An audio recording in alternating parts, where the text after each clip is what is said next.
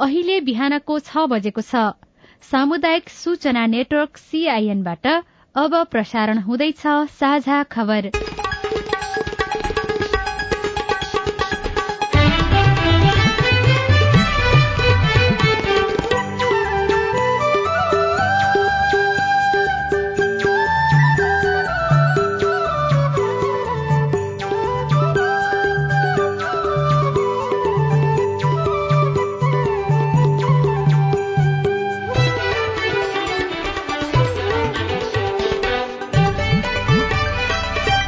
शुभ प्रभात यो सीआईएन को साझा खबर हो। उषा तामाङ सँगै लील प्रकाश चन्दको तपाईँलाई स्वागत छ। सामुदायिक रेडियोबाट देशैभरि एकै साथ प्रसारण भइरहेको साझा खबर सीआईएन खबर डट कम र मोबाइल एप सीआईएनबाट पनि सुन्न सकिन्छ।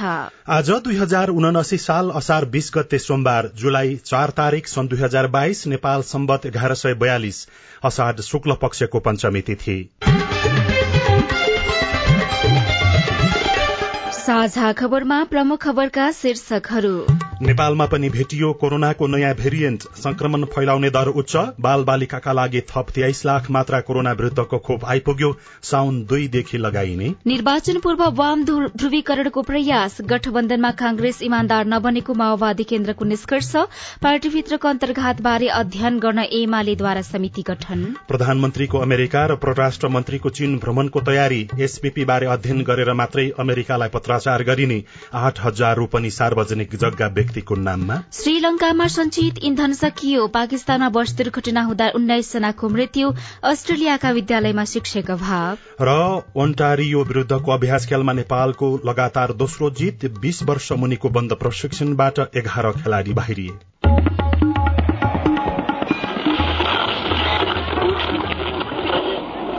रेडियो। हजारौं रेडियो कर्मी र करोड़ौं नेपालीको माझमा यो हो सामुदायिक सूचना नेटवर्क सीआईएन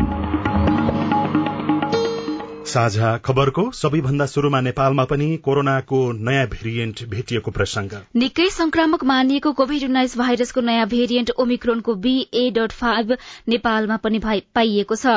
कोरोना पुष्टि भएको स्वाबको नमूनालाई धुलीखेल अस्पतालको molecular and genomic sequencing research ल्याबमा परीक्षण गर्दा ओमिक्रोनको नयाँ सब भेरिएन्ट पुष्टि भएको हो। केही दिन यता भइरहेको कोरोना संक्रमण पुनः तीव्र विस्तारमा नयाँ भेरिएन्टको आशंका भइरहेका बेला बीए दशमलव पाँच बी देखिएको हो। छिमेकी भारतमा कोरोनाको बीए दशमलव चार र बीए दशमलव पाँच सब भेरिएन्ट निकै संक्रामक देखिएको छ। नेपालमा केही दिन अघिसम्म कोरोना संक्रमणका लागि ओमिक्रोनको बीए दशमलव दुई सब भेरिएन्टलाई प्रमुख कारण मानिँदै आएकोमा अब बीए दशमलव पाँच सब भेरिएन्ट समेत पुष्टि भएको छ। धुलीखेल अस्पतालका molecular and genomic sequencing research ल्याबका प्रमुख डाक्टर राजीव श्रेष्ठले यो खबर सार्वजनिक गर्नुभएको हो। स्वास्थ्य सेवा विभाग एपिडेमियोलोजी रोग नियन्त्रण महाशाखाका निर्देशक डाक्टर सुमनलाल दासले ओमिक्रोन भेरिएन्टको बीए दशमलव दुई पुष्टि भइसकेको हुँदा कन्ट्याक्ट ट्रेसिङ लगायतका विस्तृत रूपमा खोजबिन अगाडि बढ़ाइएको बताउनुभयो। केही दिन यता नेपालमा कोरोना संक्रमणमा तीव्र विस्तार देखिएको छ। भारतमा संक्रमण निरन्तर देखिएको वृद्धिपछि त्यसको असर नेपालमा पनि देखिएको हो। संक्रमण दर बढ़दै गएपछि नयाँ भेरिएन्ट वा सब भेरिएन्ट भित्रिएको आशंका गरिँदै आएको थियो। संक्रमण उकालो लागेपछि सरकारी स्वास्थ्य सेवाका अधिकारीहरूले जीन सिक्वेन्सिङको परिणाम पर्खिरहेका थिए। नयाँ सब भेरिएन्ट पाइएको पुष्टिसँगै मास्क लगायत स्वास्थ्य मापदण्ड पालनामा खेलाची गर्न नहुने डाक्टर श्रेष्ठको भनाइ छ। टेकु स्थित राष्ट्रिय जनस्वास्थ्य प्रयोगशाला निर्देशक डाक्टर रूना झाले पनि कोरोना संक्रमणको विस्तार नियन्त्रण रोक्न बढ़ी सतर्कता अपनाउनु पर्ने बताउनुभयो। विश्व स्वास्थ्य संगठन डब्ल्यूएचओका कोविड महामारी सम्बन्धित उन्नाइस जुनको सूचना अनुसार क्षेत्रीय स्तरमा दक्षिण पूर्व एसियामा बत्तीस प्रतिशतले पूर्वी भूमध्य क्षेत्रमा सड़चालिस प्रतिशत युरोपमा तेत्तीस प्रतिशतले संक्रमण बढ़िरहेको छ। तर अफ्रिकी र पश्चिमी प्रशान्त क्षेत्रमा भने क्रमशः उन्चालिस प्रतिशत र तीन प्रतिशतले कोरोना केस घटेको संगठनले जनाएको छ। बाल बालिकाका लागि कोरोना भाइरस विरूद्धको थप तेइस लाख मात्रा फाइजर खोप काठमाडौँ हिजो आइपुगेको छ। पाँचदेखि एघार वर्ष उमेर समूहका बाल बालिकाका लागि बाइस लाख उनासय हजार दुई सय मात्रा खोप आइपुगेको स्वास्थ्य सेवा विभाग आपूर्ति व्यवस्थापन महाशाखाले जनाएको छ। खोप अभियान सञ्चालन गरिएका सत्ताइस जिल्लामा पहिलो मात्रा लगाउन छुटेका बालबालिका र दोस्रो मात्राका लागि यो खोप प्रयोग गरिनेछ। पहिलो मात्रा खोप लगाएका बालबालिकालाई आगामी साउन दुईदेखि आठ गतेसम्म दोस्रो मात्रा खोप दिइने विभागका आपूर्ति व्यवस्थापन शाखा प्रमुख डाक्टर सुरेन्द्र प्रसाद चौरसियाले सीआईएनसँग बताउनुभयो। फाइजर पेडियाट्रिक खोप चाहिँ आएको छ बाइस लाख उनान्से हजार दुई सय। योभन्दा अगाडि बाइस लाख तिन हजार दुई सय आएको थियो। त्यो सत्ताइस जिल्लामा त्यो पहिलो चरणको फर्स्ट डोज चाहिँ लगाइएको यो सेकेन्ड डोजको लागि त्यही सत्ताइस जिल्लामा जाने हो। सत्ताइस जिल्लामा अब कुनै बच्चाहरू पहिला फर्स्ट डोजमा छुट्नु भएछ भने उहाँहरूलाई पनि लगाउने र बाँकी सेकेन्ड डोज लगाउने त्यसको लागि यो खोप आएको र त्यही सत्ताइस जिल्लामा हामीले पठाइ पनि सक्यौँ। बाँकी पचासवटा जिल्लामा भदौ पाँचदेखि एघार गतेसम्म पहिलो मात्रा र भदौ सत्ताइसदेखि असोज एक गतेसम्म दोस्रो मात्राको खोप दिने तयारी स्वास्थ्य मन्त्रालयले गरेको छ। हालसम्म एक्काइस लाख भन्दा बढ़ी बाल बालिकाले कोरोना विरूद्धको खोप लगाइसकेका छनृ। समाजवादी वैकल्पिक क्रान्तिकारी धार निर्माण गर्ने प्रस्ताव केन्द्रीय समिति बैठकमा पेश गरे लगत्तै माओवादी अध्यक्ष प्रचण्डले तत्कालीन नेकपाको सचिवालयका बहुमत सदस्यको बैठक गर्नु भएको छ। प्रचण्डको अग्रसरतामा हिजो साँझ एकीकृत समाजवादीका अध्यक्ष माधव नेपाल सम्मानित नेता झलनाथ खनाल नेकपा एकता राष्ट्रिय अभियानका संयोजक वामदेव गौतम र माओवादी नेता नारायण काजी श्रेष्ठ बीच वाम ध्रुवीकरणको विषयमा छलफल भएको छ। एकीकृत समाजवादीका सम्मानित नेता खनालले वाम एकता लगायतका विषयमा प्रारम्भिक छलफल भएको र फेरि चाँडै छलफलमा बस्ने समझदारी भएको जानकारी दिनुभयो। प्रचण्डको सचिवालयका अनुसार वर्तमान राष्ट्रिय राजनीति राष्ट्रिय स्वाधीनताको स्थिति स्थानीय निर्वाचन वाम तथा समाजवादी आन्दोलन कांग्रेससँगको गठबन्धनका विषयमा छलफल भएको छ। छलफललाई निरन्तरता दिने समझदारी पाँच नेताबीच बनेको उहाँको सचिवालयले जनाएको छ। बैठकमा नेताहरूले सहकार्यको मोडालिटी कस्तो बनाउने भन्ने बारे पनि छलफल गरेका छन् तर टुंगोमा पुग्न सकेका छैनन्। पहिलो चरणमा एकताको सामूहिक अपील गर्ने बारे विमर्श भएको छ। प्रचण्डले पार्टी केन्द्रीय समिति बैठकमै भन्नुभएको थियो नेकपाकालीन सचिवालयका बहुमत सदस्य एकजुट भएर कम्युनिष्टहरूको एकताका लागि अपील गर्ने तयारी भइरहेको छ चाँडै हुन्छ। हिजोबाट शुरू भएको केन्द्रीय समितिको बैठकमा माओवादी केन्द्रका अध्यक्ष पुष्पकमल दाहाल प्रचण्डले पेश गरेको राजनैतिक प्रतिवेदनमा उहाँले केन्द्रमा जस्तो गठबन्धनको समझदारी स्थानीय तहमा नभएको कांग्रेसको पूरै शक्ति गठबन्धन प्रति इमान्दार र गम्भीर नभएको माओवादीलाई पराजित गर्न कांग्रेस एमालेसँग पनि मिलेको आफू कमजोर भएको ठाउँमा मात्र मिल्ने नत्र नमिल्ने नीति कांग्रेसले लिएको प्रतिवेदनमा उल्लेख गर्नुभएको छ। कांग्रेसले गठबन्धन उम्मेद्वारहरूलाई मत नदिएको र बाघी उठाएको गठबन्धन प्रति माओवादी मात्रै इमान्दार हुँदा कांग्रेसले मात्रै फाइदा लिएको नेकपा यसले हैसियत भन्दा बढ़ी माग्दा केही ठाउँमा पराजय भोगेको लगायत विश्लेषण पनि प्रचण्डले प्रतिवेदन मार्फत गर्नुभएको छ। अध्यक्ष प्रचण्डको प्रतिवेदनमाथि आफ्नो धारणा राख्ने क्रम आज पनि चल्ने बैठकपछि सीआईएनसँग कुराकानी गर्दै नेता ओन्सरी घरती मगरले बताउनुभयो। गठबन्धन गरेर अगाडि बढ्यो। त्यो हाम्रो रहरको कुरा भन्ने भन्दा पनि देशको परिस्थितिलाई कसरी हामीले अगाडि बढाउने भन्ने सवालमा चाहिँ एउटा प्रकारको त्यहाँनिर गठबन्धन बन्न गयो। र त्यसमा चाहिँ हामी जति इमान्दार थियौँ नेपाली काङ्ग्रेसले त्यति इमान्दारिता देखाएन भन्ने नै समीक्षामा आयो। यसअघि एक सय दस बाह्र सिट थियो। यो चुनावमा चाहिँ एक सय चौबिस सिट पुगे। तपाईँहरूको अपेक्षा चाहिँ अझ कति थियो र यो चुनावको समीक्षा गर्दाखेरि चाहिँ अपेक्षा अनुसार भएन भन्नुभयो? होइन गठबन्धनको निर्णय अनुसार चाहिँ हामी अगाडि गएको भएपछि हामीलाई चाहिँ कम्तीमा पनि दुई सय सिटहरू हासिल हुन्थ्यो। तर उहाँहरूले जसरी चाहिँ आफ्नो चाहिँ सिटको सेक्योर गर्ने हाम्रो जित्ने ठाउँहरूमा पनि सकेसम्म अरूसँग गठबन्धन गरेर हराउनेमा जे लाग्नु हो त्यस्ता कुराहरूले गर्दाखेरि चाहिँ हाम्रो क्षति भयो। हामी इमान्दारपूर्वक उहाँहरूलाई भोट गर्यौँ जसले गर्दा उहाँहरूको धेरै ठाउँमा चाहिँ सिट हासिल भयो। अब यो समीक्षा तलदेखि हुँदै पनि आएको छ अब काङ्ग्रेस पार्टी चाहिँ मास पार्टी हो। हामी जस्तो क्याडर बेस छैन होइन? होइन? हामीले त्यसका बाध्यताहरू पनि बुझेका थियौँ। जसरी गठबन्धनलाई अगाडि बढाउनु पर्छ भन्ने कुरा बुझिएको थियो माथि त्यो तल त्यसको विपरीत भयो। प्रतिगमनको सम्भावना अहिले पनि छ। यसलाई चाहिँ टार्नको लागि र हामीले चाहिँ देशलाई चाहिँ एउटा ठाइको दिनको लागि हामीले चाहिँ मिलेरै जानुपर्छ भन्ने सहमतिहरू हुँदाखेरिको बखतमाको कुरा हो यो। र त्यो सहमति चाहिँ अहिले पनि सम्भावना छ। हामीले चाहिँ मिलेरै जाउँ। अब मिलेरै देश बनाउने हो भने चुनावमा पनि मिलेरै गइयो भने धेरै कुराहरू सकारात्मक ढङ्गले अगाडि आबादी बढ्छ भन्ने बुझाइ हो होइन? तर अब त्यो भएन भने के हुन्छ त भन्दा भएन भने हामी एक्ला एक्लै लड्छौँ। यसअघि नेकपा एकीकृत समाजवादी जनता समाजवादी पार्टी जसपा तथा राष्ट्रिय जनमोर्चाले पनि कांग्रेस र माओवादीले गठबन्धनबाट फाइदा लिएको आरोप लगाएका थिए। नेपाली कांग्रेसले भने निर्वाचनको परिणाम अपेक्षाकृत नै आएको दावी गर्दै आएको छ। नेकपा एमाले भने स्थानीय तहको निर्वाचनमा भएको अन्तर्घातको सम्बन्धमा परेका उजुरी छानबिन र कार्यवाहीको सिफारिश गर्न कार्यदल गठन गरेको छ। एमालेको केन्द्रीय सचिवालयको हिजो बसेको बैठकले उपाध्यक्ष विष्णु पौडेलको संयोजकत्वमा तीन सदस्यीय कार्यदल गठन गरेको हो। कार्यदलको सदस्यमा निर्वाचन विभागका प्रमुख देवेन्द्र दाहाल र संगठन विभागका प्रमुख अग्रराज अधिकारी सदस्य रहनु भएको छ। स्थानीय तह निर्वाचनमा धेरै स्थानमा आफूले इच्छाएको व्यक्तिले टिकट नपाएपछि नेताहरूले नै अन्तर्घात गरेको भन्दै उजुरी परेको र त्यसको निरूपण गर्न कार्यदल गठन गरेको एमालेका प्रचार विभाग प्रमुख पृथ्वी सुब्बा गुरूङले बताउनुभयो। निर्वाचनको क्रममा चाहिँ केही अनुशासनहीनताका कुराहरू अराधक कुराहरू चाहिँ उत्पन्न भएको छ। र त्यस्तो समस्याहरूमाथि उजुरी परेको छ र उजुरीमाथि छानबिन र आवश्यक कारवाहीको लागि कमरेड विष्णु प्रसाद पौडेल जो हाम्रो पार्टीको उपाध्यक्ष हुनुहुन्छ उपाध्यक्ष र संयोजक पनि पार्टीको सांगठनिक कामको अनुगमन गर्ने संयोजक पनि भएको हुनाले उहाँको नेतृत्वमा केन्द्रीय निर्वाचन विभागको प्रमुख र केन्द्रीय संगठन विभागको प्रमुख रहेको तीन सदस्यीय उजुरीमाथि छानबिन र आवश्यक कारवाहीको लागि कार्यदल पनि गठन गरेको छ र यो कार्यदलले पनि आफ्नो रिपोर्ट पेश गर्नेछ चुनावमा भएका अराजकताका कुराहरू अनुशासनहीनताका कुराहरू अन्तर्घातका विषयहरू यसले आवश्यक छानबिन गरेर आवश्यक कारवाही आफैले गर्न सक्नेछ। यसैबीच हिजोको बैठकले पार्टीको तेह्रवटा केन्द्रीय विभागका सचिवहरू मनोनयन गरेको छ।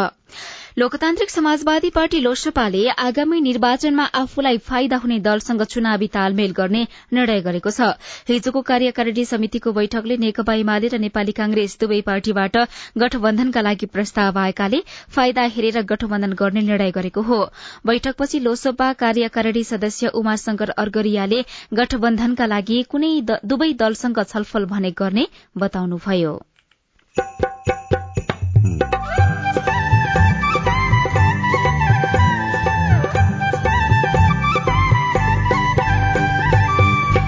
सामुदायिक सूचना नेटवर्क सीआईएन मार्फत देशभरि प्रसारण भइरहेको साझा खबरमा चुनावी गठबन्धन र कार्यकर्ताहरूमा फेरिएको बुझाइ। एउटा राजनैतिक संस्कार बोकेको कार्यकर्ताहरूले आँखा चिम्लेर चाहिँ अर्को पक्षलाई चाहिँ मत हाल्छन् भनेर विश्वास गर्न चाहिँ सकिँदैन। प्रधानमन्त्रीको अमेरिका र परराष्ट्र मन्त्रीको चीन भ्रमणको तयारी एसपीपी बारे अध्ययन गरेर अमेरिकालाई पत्राचार गरिने लगायतका खबर बाँकी नै छन्। सीआईएनको साझा खबर सुन्दै गर्नुहोला।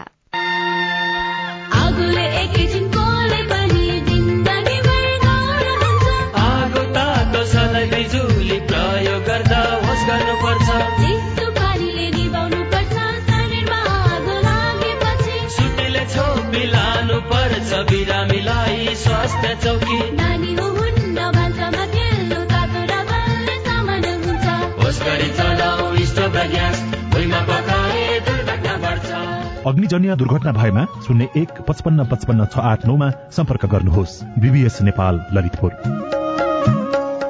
नेपाल टेलिकमको सूचनाको संसार।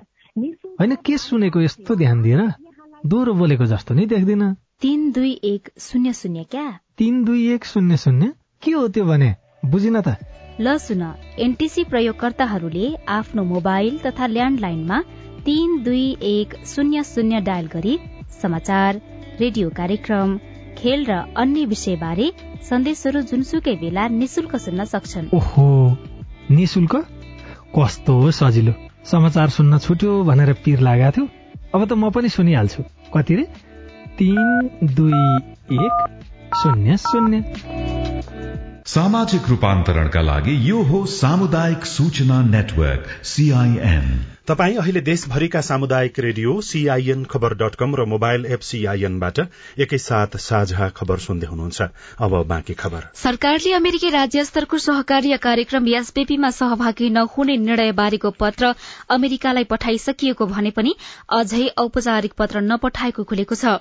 असार छ गते बसेको मन्त्री परिषद बैठकले एसपीपीमा सहभागी नहुने भनेर अमेरिकालाई पत्र लेख्ने निर्णय गरेको भए पनि औपचारिक पत्राचार अझै नभएको पाइएको हो। यसअघि गृहमन्त्री बालकृष्ण खाँडले राष्ट्रिय सभालाई सम्बोधन गर्दै अमेरिकालाई पत्र पठाइसकेको बताउनु भएको थियो। तर हिजो परराष्ट्र मन्त्रालयमा आयोजित पत्रकार सम्मेलनमा प्रवक्ता सेवा लम्सालले अमेरिकी सरकारलाई गर्ने पत्राचारको अध्ययन भइरहेको जानकारी दिनुभयो। परराष्ट्र मन्त्रालयले काम गर्दाखेरि अलिक थरो अध्ययन गरेर सबै कुराहरू स्टडी गरेर मात्रै अनि हामीले पत्राचार गर्नुपर्ने भएकोले हामी अलिकति अध्ययन गर्ने नै क्रममा छौँ। र यसलाई उपयुक्त समयमा डिप्लोमेटिक च्यानलबाट नेपाल सरकारको मन्त्री परिषदको निर्णयलाई कार्यान्वयन गर्छौँ। त्यो क्रममा छौँ हामीले। त्यो अब एप्रोप्रिएट डिप्लोमेटिक च्यानलबाट त्यो जान्छ भन्ने कुरा मैले यहाँलाई आश्वस्त गराएँ। अहिले त्यो गइसकेको अवस्था छैन। हामी जान्छ यसमा तपाईँहरू ढुकाउनुहोस् पत्रकार सम्मेलनमा प्रवक्ता लम्सालले प्रधानमन्त्री शेरबहादुर देउवाको अमेरिका भ्रमण अपेक्षित भएको बताउनुभयो। प्रधानमन्त्री देउवाको भ्रमणलाई एसपीपीसँग जोडेर हेरिएको अवस्थामा परराष्ट्र मन्त्रालयले प्रष्टीकरण दिएको हो। अब आज काठमाडौँबाट प्रकाशित पत्र पत्रिकाको खबर। नयाँ पत्रिका दैनिकको भित्री पन्नामा प्रधानमन्त्रीको अमेरिका र परराष्ट्र मन्त्रीको चीन भ्रमणको तयारी भइरहेको प्रसंगलाई खबर बनाएर छापेको छ। मुख्य खबरमा आठ हजार रोपनी सार्वजनिक जग्गा व्यक्तिका नाममा शीर्षकमा लेखिएको छ। सुभाष भट्टले लेख्नुभएको खबर हो व्यक्ति संस्थाले हडपेर आफ्नो नाममा पुर्याएको करिब आठ हजार रोपनी सरकारी सार्वजनिक र गुठी अन्तर्गतका जग्गा फिर्ता ल्याउन सरकारले नै चासो देखाएको छैन। विशेष अदालतका पूर्व अध्यक्ष मोहन रमण भट्टराई नेतृत्वको सरकारी छानबिन आयोगले आठ हजार एक सय नब्बे रोपनी जग्गा व्यक्तिको नाममा पुगेको प्रमाण जुटाएको साढे दुई वर्ष भइसक्दा जम्मा चार सय दुई रोपनी मात्रै सरकारले फिर्ता ल्याएको छ। बाजुराको भवानी माविका एघार शिक्षक एकैपटक विदामा शीर्षकमा नर्जन तामाङले लेख्नु भएको खबर छापिएको छ। शुक्रबार बाजुराको हिमाली गाउँपालिका छको धुलाचौर स्थित भवानी माध्यमिक विद्यालयमा पुग्दा बिहानको पौने एघार बजिसकेको थियो। तर सबै कक्षा कोठा सुनसान थिए। विद्यार्थी चौरमै खेलिरहेका थिए। उनीहरू सहित विद्यालयको फोटो खिचेको देखेपछि एक विद्यार्थी दौड़िएर शिक्षकको कार्यकक्षमा पुगे। दुई शिक्षकको भरमा विद्यालय धुलोमा खेलेर फर्किन्छन् विद्यार्थीहरू। अर्को खबर आईजीपी नियुक्ति विरूद्धको मुद्दा अर्को पेशी छब्बीस असारमा शीर्षकमा छ प्रहरी प्रमुख नियुक्ति विरूद्ध परेको रिट उपरको अर्को पेशी छब्बीस असारका लागि तोकिएको छ। आइतबार चौथो पटकको सुनवाईमा विपक्षी धीरज प्रताप सिंहका कानून व्यवसायीहरूको बहस सकिएसँगै संयुक्त इजलासबाट जवाफी बहसका लागि छब्बीस गतेको पेशी तोकिएको हो। कोरोना संक्रमणका कारण विगत दुई वर्ष पर्यटक विहीन जस्तै रहेको नेपालमा पछिल्ला महिनामा पर्यटक आगमनमा उल्लेख्य सुधार आउन थालेको छ। खास गरी सन् दुई हजार बाइस यता प्राय सबै महिनामा नेपाल भित्रिने पर्यटकको संख्यामा निरन्तर बढ़िरहेको बताइएको छ। यो क्रम जूनमा पनि कायम देखिएको छ। नेपाल पर्यटन बोर्डले सार्वजनिक गरेको पर्यटक आगमन सम्बन्धी तथ्याङ्क अनुसार जूनमा मात्रै हवाई मार्गबाट छयालिस हजार नौ सय सन्ताउन्न विदेशी पर्यटक नेपाल आएका छन्। यो संख्या सन् दुई हजार उन्नाइसको तुलनामा उनासत्तरी दशमलव तीन प्रतिशतले वृद्धि हो। जुनमा भित्रेका विदेशी पर्यटकमा सबैभन्दा धेरै भारतीय पर्यटक रहेका छन्। यो खबर गोर्खापत्र दैनिकले छापेको छ। राजधानी दैनिक लगायतका सबैजसो पत्र पत्रिकाहरूमा सीसीटीभीको फुटेज मेटिएको अर्थको गैर जिम्मेवार जवाफको खबर छापिएको छ। अर्थ मन्त्रालयले आगामी आर्थिक वर्ष दुई हजार उनासी अस्सीको बजेट सार्वजनिक हुनुभन्दा अघिल्लो दिन चौध जेठ रातिको सीसीटीभी फुटेज मेटिएको गैर जिम्मेवारपूर्ण जवाब दिएको छ। सरकारी कार्यालयको सीसीटीभी फुटेज सामान्यतः तीन महिनासम्म हटाउन नहुने नियम छ तर अर्थ मन्त्रालयले सरकारकै नियमको खिल्ली उडाउँदै एक महिना नपुग्दै मन्त्रालयको फुटेज डिलिट भयो भनेर प्रतिक्रिया दिएको छ। अन्नपूर्ण पोस्ट दैनिकले सीसीटीभी मेटाउन सर्वदलीय साथ शीर्षकमा खबर छापेको छ। अर्थमन्त्री जनार्दन शर्माले पूर्व नासो रघुनाथ घिमिरेलाई बजेटमा राजस्व कर र भन्सारका दर मिलाउन राति अबेलासम्म प्रयोग गरेको अन्नपूर्ण पोस्टमा समाचार आएपछि राजनैतिक र अन्य क्षेत्रमा खैला बैला मचिएको थियो। गठबन्धनले हेर्न चाह्यो तर सकेन भनेर पनि अर्को खबर लेखिएको छ। समाचार छापिएको भोलिपल्ट जेठ एकतीसमा प्रमुख प्रतिपक्षी एमाले संसद अवरूद्ध गर्यो। प्रमुख सचेतक विशाल भट्टराईले सीसीटीभी फुटेज सार्वजनिक गर्नुपर्ने र संसदीय समिति बनाउनु पर्ने माग राख्नुभयो। त्यो माग पछिल्लो समयमा बढ़दै गएपछि अर्थ मन्त्रालयले सीसीटीभी फुटेज डिलिट भएको बताएको छ। कान्तिपुर दैनिकको पहिलो पृष्ठमा चुनाव घोषणापछि सांसद पद कहिलेसम्म शीर्षकमा तुफान नेउपानेले खबर लेख्नु भएको छ। स्थानीय तह निर्वाचन सकिए लगतै मुलुकमा प्रतिनिधि सभा निर्वाचनको सरगर्मी शुरू भइसकेको छ। मिति घोषणाका लागि सरकारले निर्वाचन आयोगसँग परामर्श गरिरहेको छ। यही बेला स्वाभाविक प्रश्न उठेको छ निर्वाचन घोषणा भएपछि अहिलेका सांसदहरूको पद के हुन्छ? विगतमा अनेक उदाहरण भएका र यसपालि संविधानमा स्पष्ट किटान नभएकाले आधिकारिक निकायबाटै थरीथरीका भनाई आएका छन्। सोही पृष्ठमा बजेट भए पनि कान्तिले मेसिन नकिन्दा बिरामीलाई होल ब्लड शीर्षकमा प्रशान्त मालीले खबर लेख्नु भएको छ। कान्ति बाल अस्पतालमा बिरामीलाई रगतको संरचना कम्पोनेन्ट नछुट्याई सिधै होल ब्लड चढ़ाउने गरिएको छ। बिरामीलाई प्लाज्मा आरबीसी डब्लूबीसी र प्लेटलेट मध्ये जुन आवश्यक हो त्यो मात्र चढ़ाउनु पर्ने हुन्छ। तर अस्पतालले रक्तदाताबाट संकलित रगत सोझै बिरामीलाई चढ़ाउने गरेको छ। रक्तदाताले दान गरेपछि कम्पोनेन्ट नछुटाइएको रगतलाई होल ब्लड भनिन्छ। अस्पतालले होल ब्लड सेपरेशन मेसिन खरिदमा ढिलाइ गर्दा शरीरमा रगत अभावका कारण उपचारमा आउने र अपरेशनका बिरामी मर्कामा परेका छन्। साझा खबरमा प्रश्नोत्तर श्रृंखला प्रस्तुत गर्दै हुनुहुन्छ सजना तिमल आजको प्रश्नोत्तरमा हामीले विद्युतसँग सम्बन्धित प्रश्न लिएका छौं। सबै प्रश्नको जवाफ दिँदै हुनुहुन्छ नेपाल विद्युत प्राधिकरणका प्रवक्ता सुरेश बहादुर भट्टराई। पाँचथरको हिलिहाङ गाउँपालिकाका लेवाङ लिम्बुले अहिले नेपाल विद्युत प्राधिकरणले भारतलाई बिजुली बेचिरहेको खबर छ। अब हिउँदमा फेरि भारतबाट किन्नु पर्छ कि पर्दैन भनेर सोध्नु भएको छ। कार्तिक सकिसकेपछि खरे खोलाहरू पनि सुक्दै जान्छन् र हाम्रो हिमालयन रिभरहरूमा पनि धेरै घट्छ र हाम्रो उत्पादित बत्तीहरू अहिलेको तुलनामा वान थर्ड घट्छ। त्यो बेला फेरि डिमान्ड चाहिँ धेरै बढ्ने हाम्रो जेनेरेसन घट्ने भएको हुँदाखेरि हामीले हाम्रो सिस्टमको आवश्यकता अनुसार हामी भारतबाट आयात गर्छौँ। मनोज खड्का बोल्दैछु। के कर्णालीको जनतालाई अँध्यारोमा बसाएर चाहिँ उज्यालो नेपाल कार्यक्रम घोषणा गरेको साँच्चीकै के सान्दर्भिक होला त? प्रत्येक कर्णालीवासीको घरमा चाहिँ हामीले बत्ती पुर्याउने लक्ष्य लिइसकेका छौँ। नेपाल विद्युत प्राधिकरणले यो सम्बन्धी अध्ययनहरू करिब कम्प्लिट गरी पनि सकेको अवस्था हो र यसको लागि हामीले युरोपियन इन्फ्रास्ट्रक्चर डेभलपमेन्ट ब्याङ्क र एसियन इन्फ्रास्ट्रक्चर डेभलपमेन्ट ब्याङ्कको सहयोगमा यो आर्थिक वर्षभित्र हामीले टेन्डर गरिसक्छौँ। समस्त कर्णालीको प्रत्येक नेपालीको घरहरूमा एउटा रिलायबल सप्लाई दिने उद्देश्यको साथ हामी विद्युत प्राधिकरण अगाडि बढेको छ। जनक बहादुर साई हो। बाजुरा जिल्ला बुढीलिङ्ग नगरपालिका हो। बुढीलिङ्ग नगरपालिकामा मोबाइल चार्ज गर्न पनि किन लाग्नुपर्छ? हामीले बत्तीसँगै कहिले पाउने होला? बाजुरामा हामीले अहिले भर्खरै नयाँ नयाँ सब स्टेसनहरू वितरण प्रणालीहरू सुधारोन्मुख कामहरू गरेको छौँ। नमस्कार म दिपक भुजेल अथवा विजयपुर नगरपालिका अन्तर्गत वडा नम्बर एघारमा पर्दछ। हाम्रो नगरपालिका अन्तर्गत मौलापुरबाट त्यो लाइन वितरण हुन्छ र एक दिनमा कम्तीमा पनि दसदेखि लिएर बाह्र काटिन्छ त्यो लाइन। त्यो यसको कारण के होला?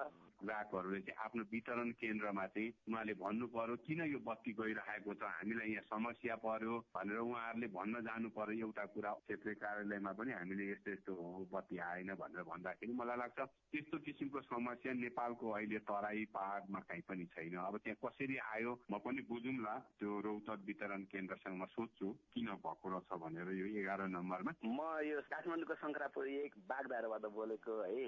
विद्युत प्राधिकरणले हामीलाई पहिला यो हाई टेन्सनको लाइन विस्तार गर्ने क्रममा नि हामीहरूको यो जग्गा माथि माथिदेखि नै माथि घर माथि जग्गा माथि नै पर्ने लाइनहरू तानिराखेको। त्यसले गर्दाखेरि हामीहरूलाई त्यहाँ हिँडडुल गर्न यताउति गर्न धेरै अप्ठ्यारो भइराखेको है कस्तो निकासा पाउन सकिन्छ भनेर जानकारी पाउँ भनेर फोन त्यो सुरक्षाको उपाय अथवा त्यहाँ कुनै पब्लिकको सेफ्टीको ध्यान प्राधिकरणको दायित्वभित्र पर्छ र यदि यदि तार एकदमै तलै झुन्डिएको अवस्थामा लत्रेको अवस्थामा छ भने त्यो प्राधिकरणको दायित्व तर प्राधिकरणको सम्बन्धित वितरण केन्द्रलाई जानकारी दिनुहोस् र उहाँहरूले त्यस्तो सुरक्षामा त्यस्तो थ्रेट हुने हिसाबले काम प्राधिकरणले गर्दैन। तपाईँ जुनसुकै बेला हाम्रो टेलिफोन नम्बर शून्य एक बान्न साठी छ चार छमा फोन गरेर आफ्नो प्रश्न जिज्ञासा गुनासा अनि समस्या रेकर्ड गर्न सक्नुहुनेछ। साझा खबरमा अब विदेशका खबर। पाकिस्तानमा बस दुर्घटना हुँदा कम्तीमा उन्नाइस जनाको मृत्यु भएको छ। दुर्घटनामा चौध जना घाइते भएका छन्। पाकिस्तानको पश्चिमी क्षेत्र रावलपिण्डीबाट कोइटातर्फ जाँदै गरेको बस खैबर पख्तुनख्वा प्रान्तको दानिसार नजिक सड़कबाट तल खसेको थियो। पुरानो सवारी साधन कमजोर सड़क चालकको लापरवाही लगायतका कारण दुर्घटना भएको हुन सक्ने पाकिस्तान प्रहरीले जनाएको छ। श्रीलंकाका ऊर्जा मन्त्री कञ्चना विजय शेखराले देशमा इन्धन सकिएको जनाउनु जनाउनु भएको छ। देशमा संचित रहेको इन्धन एक दिनका लागि पनि नपुग्ने उहाँले बताउनु भएको हो। मन्त्री विजय सेकेराले मुलुकमा पेट्रोल भण्डारण करिब चार हजार टन रहेको र यसले एक दिनको माग पनि धान्न नसक्ने बताउनु भएको हो। र अस्ट्रेलियाका विद्यालयमा शिक्षकको चर्को अभाव देखिएको छ। अभाव पूरा गर्न विभिन्न राज्य सरकारले आर्थिक लगायतका सुविधा घोषणा गरे पनि समस्या समाधान हुन सकेको छैन। खास गरी दुर्गम क्षेत्रका विद्यालयमा शिक्षकको चरम अभाव देखिएको जनाइएको छ। न्यू साउथ वेल्स भिक्टोरिया दक्षिण अस्ट्रेलिया लगायतका राज्य सरकारले शिक्षकलाई आकर्षित गर्न हजारौं डलरका साथै अन्य विविध सुविधाको घोषणा गरेका छन्। दुर्गम क्षेत्रमा रहेका शिक्षक अभावलाई अन्त्य गर्नका लागि सरकारले हरेक वर्ष पाउने तलब बाहेक वार्षिक रूपमा हजारौं डलर सुविधा सहुलियत रूपमा बस्ने आवासको व्यवस्था दुर्गम क्षेत्रमा जान आउनका लागि निशुल्क सेवा दिने घोषणा गरे पनि समस्या भने अझै उस्तै छ। साझा खबरमा अब खेल खबर। नेपाली राष्ट्रिय क्रिकेट टोलीले आफ्नो अभ्यास खेलमा लगातार दोस्रो जीत निकालेको छ। गैराती क्यानाडाको ओन्टारियो क्रिकेट क्लबलाई पचपन्न रनले हराउँदै नेपालले अभ्यास खेलमा लगातार दोस्रो जीत हात पारेको हो।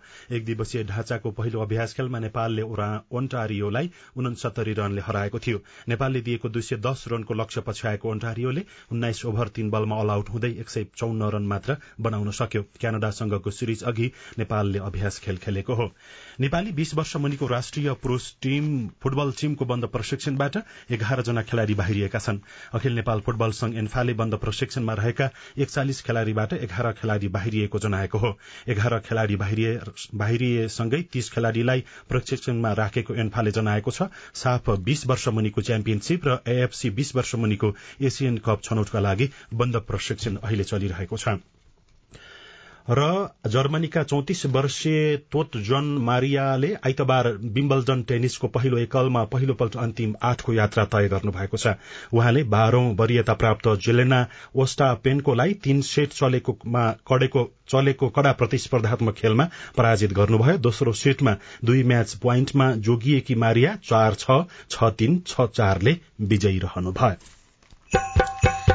प्रदेश र संघीय चुनावमा गठबन्धन र चुनौती रेडियो कुराकानी स्वस्थ जीवनशैली सम्बन्धी सन्देश अरू खबर र कार्टुन पनि बाँकी नै छ सीआईएनको साझा खबर सुन्दै गर्नुहोला Dish Home FiberNet presents for the first time in Nepal. Get ready to get your mind blown with four times faster than 5G. We are introducing Wi-Fi 6, the only technology with artificial intelligence in Nepal. Mega 5 get Kushi go upgrade with Wi-Fi 6 routers and mesh nodes. Mega 5 Kushi go upgrade. Dish Home FiberNet. सामाजिक रूपान्तरणका लागि यो हो सामुदायिक सूचना network CIN साझा खबरमा अब चुनावी गठबन्धनका कुरा। स्थानीय निर्वाचनको परिणामलाई लिएर गठबन्धनमा आबद्ध दलहरूबीच आरोप प्रत्यारोप चलिरहेको छ। विशेष गरी निर्वाचनको परिणामपछि दलहरूबीच टुटफुटको श्रृंखला पनि चल्ने गरेको छ। यस्तो किन हुन्छ? एकजना राजनैतिक विश्लेषक राजेश गौतमसँग साथी अविनाश आचार्यले कुराकानी गर्नुभएको छ। त्यो आशा गरेको अनुरूप चाहिँ जब परिणाम पाउँदैनन् त्यसपछिको स्थितिमा चाहिँ सबै राजनैतिक दलका नेताहरूको बिचमा चाहिँ दूरी चाहिँ बढ्दै गएको देखिन्छ। अब अहिले स्थानीय चुनावकै कुरा गर्दा पनि जुन गठबन्धन भएर चुनावमा गएका थिए दलहरू त्यसपछि चाहिँ एकअर्कामा यो आरोप प्रत्यारोप चाहिँ किन हुन्छ? गठबन्धन भनेको छ गठबन्धन गरेछ अब एउटा चाहिँ विचारमा चाहिँ सिद्धान्तमा विश्वास गर्नेहरूलाई अर्को सिद्धान्तमाथि विश्वास गरेकोलाई मत हाल्नु भनेर आह्वान गर्छन् भने यस्तो स्थितिमा एकले अर्कालाई नपत्याउनु चाहिँ स्वाभाविकै हो जस्तो लाग्छ मलाई। राजनैतिक संस्कारको विकास भएको भए जित्नेले हार्नेलाई स्वीकार्न सक्नु पर्थ्यो हारले पनि जित्नेलाई सम्मान गर्न सक्नु पर्थ्यो त्यो किसिमको प्रवृत्ति नेपालको राजनीतिमा चाहिँ देखिएन। अनि गठबन्धन गरे पछाडि पनि एकअर्कालाई सहयोग गरेरै जानुपर्छ भन्ने जुन भावना हो त्यो पनि देखिँदैन नेपाली राजनीतिमा। होइन चुनावको लागि गठबन्धन गर्नु नै दुर्भाग्यपूर्ण कुराहरू। देशमा चाहिँ यत्रो राजनैतिक दलहरू छ। आफूले मेरो पार्टी यो भनेर दावा पनि गर्छन्। अनि चुनावमा जानको निम्ति चाहिँ एउटा चाहिँ पूर्व फर्केको एउटा उत्तर फर्केको राजनीति एउटा विचारै नमिल्ने राजनैतिक दलसित चाहिँ गठबन्धन गरेर अगाडि बढ्नु यो राम्रो कुरो पनि होइन। यसले गर्दा के किसिमको हुन्छ भन्दा राजनैतिक दलहरूमा चाहिँ जनतामा जाने आँट चाहिँ कम भएको चाहिँ महसुस हुन्छ। चुनावको समीकरण र त्यसको परिणाम चाहिँ जुन देखियो सबै दलले लाभ सबैभन्दा बढी काङ्ग्रेसले मात्रै लियो भन्ने अरू दलहरूको गुनासो छ। तपाईँले चाहिँ के देख्नुभयो यो मलाई गठबन्धन मलाई त्यस्तो लाग्दैन। गठबन्धन गरिसकेपछि जनताको मत त जनताले दिने हो नि। जनताले चाहिँ अब चाहिँ शेरबहादुरजीले चाहिँ माओवादीलाई भोट हाल्नु भन्ने बित्तिकै कङ्ग्रेसलाई विश्वास गर्नेहरूले चाहिँ माओवादीलाई नै भोट हाल्छन् भनेर विश्वास गर्नु चाहिँ हुँदैन। कि राजनैतिक दलले आफ्नो इतिहासलाई चाहिँ राम्रो किसिमले स्थापित गर्न सक्नु पर्यो। आफ्नो कुराहरूलाई जनताको बिचमा पुर्याउन सक्नु पर्यो। तब मात्र यसको चाहिँ सही अर्थ हुन्छ। केही समय अगाडिसम्म जुन गठबन्धनलाई युगौंसम्म जान्छ भनेर सार्वजनिक रूपमा अभिव्यक्ति दिने नेताहरू बीच नै अहिले गठबन्धन बीच खटपट देखिन्छ। यो खटपटले चाहिँ अबको राजनैतिक भविष्य कता होइन डोहोर्याउँछ अबको गठबन्धन त त्यति सशक्त रूपबाट चाहिँ अगाडि बढ्न सक्छ र गठबन्धनकै आधारमा जनताले चाहिँ सबै राजनैतिक दलहरूलाई मत हाल्छन्। भनेर विश्वास गर्नु राजनैतिक दलहरूको चाहिँ कमजोरी हुन्छ जस्तो लाग्छ। मैले अघि पनि भने एउटा राजनैतिक संस्कार बोकेको कार्यकर्ताहरूले आँखा चिम्लेर चाहिँ अर्को पक्षलाई चाहिँ मत हाल्छन् भनेर विश्वास गर्न चाहिँ सकिँदैन र त्यसको अर्थ के हो भन्दा गठबन्धनको राजनीतिलाई चाहिँ जनताले अस्वीकार गर्छ यो कुराकानीसँगै हामी साझा खबरको अन्त्यमा आइपुगेका छौं। सामुदायिक रेडियो प्रसारक संघद्वारा संचालित सीआईएनको बिहान छ बजेको साझा खबर सक्नु अघि मुख्य मुख्य खबर फेरि एकपटक। नेपालमा पनि भेटियो कोरोनाको नयाँ भेरिएन्ट संक्रमण फैलाउने दर उच्च। बाल बालिकाका लागि थप तेइस लाख मात्रा कोरोना विरूद्धको खोप आइपुग्यो। साउन दुईदेखि लगाइने। निर्वाचन पूर्वक वाम ध्रुवीकरणको प्रयास गठबन्धनमा कांग्रेस इमान्दार नबनेको माओवादी केन्द्रको निष्कर्ष पार्टीभित्रको अन्तर्घातबारे अध्ययन गर्न एमालेद्वारा समिति गठन। प्रधानमन्त्रीको अमेरिका र परराष्ट्र मन्त्रीको चीन भ्रमणको तयारी एसपीपी बारे अध्ययन गरेर अमेरिकालाई पत्राचार गरिने आठ हजार रोपनी सार्वजनिक जग्गा व्यक्तिको नाममा। श्रीलंकामा संचित इन्धन सकियो। पाकिस्तानमा बस दुर्घटना हुँदा उन्नाइस जनाको मृत्यु अस्ट्रेलियाका विद्यालयमा शिक्षक अभाव। र ओन्टारियो विरूद्धको अभ्यास खेलमा नेपालको लगातार दोस्रो जित।